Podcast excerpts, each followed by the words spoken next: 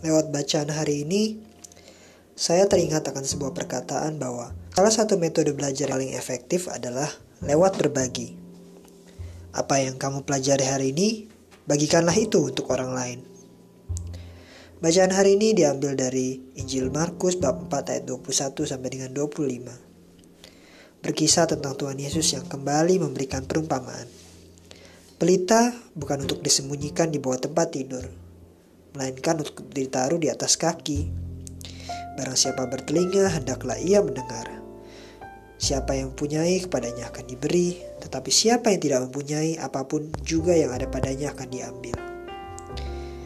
Saya pribadi merasakan hal tersebut khususnya ketika saat saya masih rajin berbagi cerita lewat tulisan saya di blog.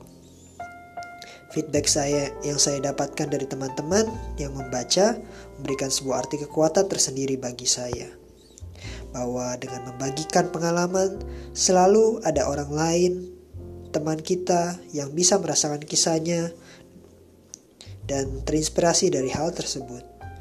Hal ini sudah cukup lama saya tinggalkan karena oleh karena rasa takut saya, rasa malu, dan berbagai hal negatif lainnya yang membuat saya takut untuk kembali menulis dan berbagi.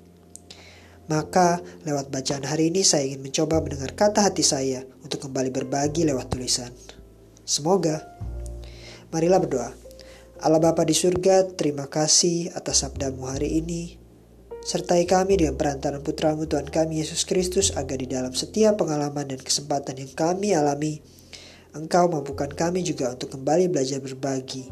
Karena kami yakin selalu ada orang lain yang membutuhkannya.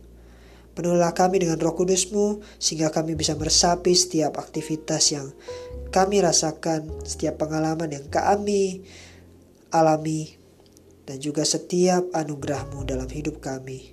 Sehingga dalam setiap perkataan yang kami ucapkan dan juga setiap tulisan yang kami tuangkan sungguh-sungguh berasal darimu.